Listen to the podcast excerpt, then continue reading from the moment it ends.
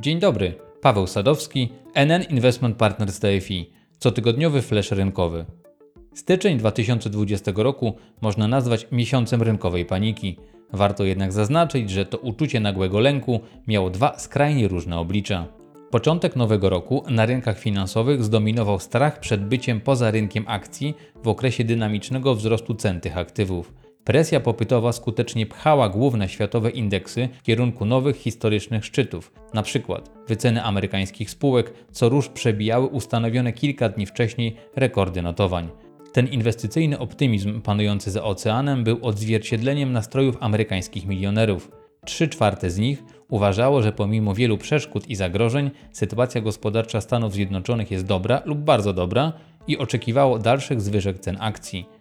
I choć nie było widać tego jeszcze w statystykach, to coraz większej ochoty na dołączenie do tej grupy zamożnych uczestników rynku nabierali amerykańscy inwestorzy detaliczni. Na tę chwilę można założyć, że ten inwestycyjny entuzjazm bezrefleksyjnej pogoni za tą grupą wyczerpał się. Dlaczego? Odpowiedzialny jest za to również strach, ale tym razem nie dotyczy on uciekających zysków, ale obawy o utratę kapitału. Powodem gwałtownego wzrostu awersji do ryzyka są obawy przed pandemią koronawirusa, czyli epidemią tej choroby zakaźnej w różnych środowiskach, na dużym obszarze, różnych kontynentach w tym samym czasie oraz jej wpływu na globalną gospodarkę.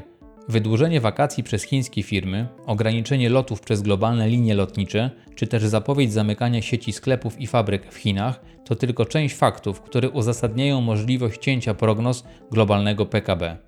Dopóki to wspomniane zagrożenie będzie głównym tematem rynkowych spekulacji, to trudno spodziewać się, że inne aktywa, poza tymi uznawanymi za bezpieczne, mam na myśli m.in. obligacje skarbowe, będą cieszyły się wzmożonym zainteresowaniem inwestorów. Obecnie wydaje się, że fala paniki związana z rozprzestrzenianiem się tego wspomnianego wirusa wyhamowała i aktualnie trwa próba szacowania strat. Oczywiście to stwierdzenie nie dotyczy giełdy Szanghaju, która po tygodniowej przerwie związanej z obchodami Nowego Roku Księżycowego zanotowała 8% spadek. Na tym etapie ostateczny bilans ekonomiczny jest bardzo trudny do określenia. Dopiero w danych o bilansie handlowym Chin za luty będzie widać wpływ ostatnich wydarzeń na tamtejszą gospodarkę. Do tego czasu można zakładać, że inwestorzy będą wykorzystywali wszystkie dostępne informacje do szacowania potencjalnych skutków i to one będą fundamentem kształtującym strukturę portfeli inwestycyjnych. Na rynku zaczynają pojawiać się pierwsze analizy sugerujące, że wyceny niektórych ryzykownych aktywów, które zostały sprowadzone do obecnych poziomów na skutek wyprzedaży, jaka przetoczyła się przez rynki w drugiej połowie stycznia, stanowią średnioterminową okazję do ich kupna.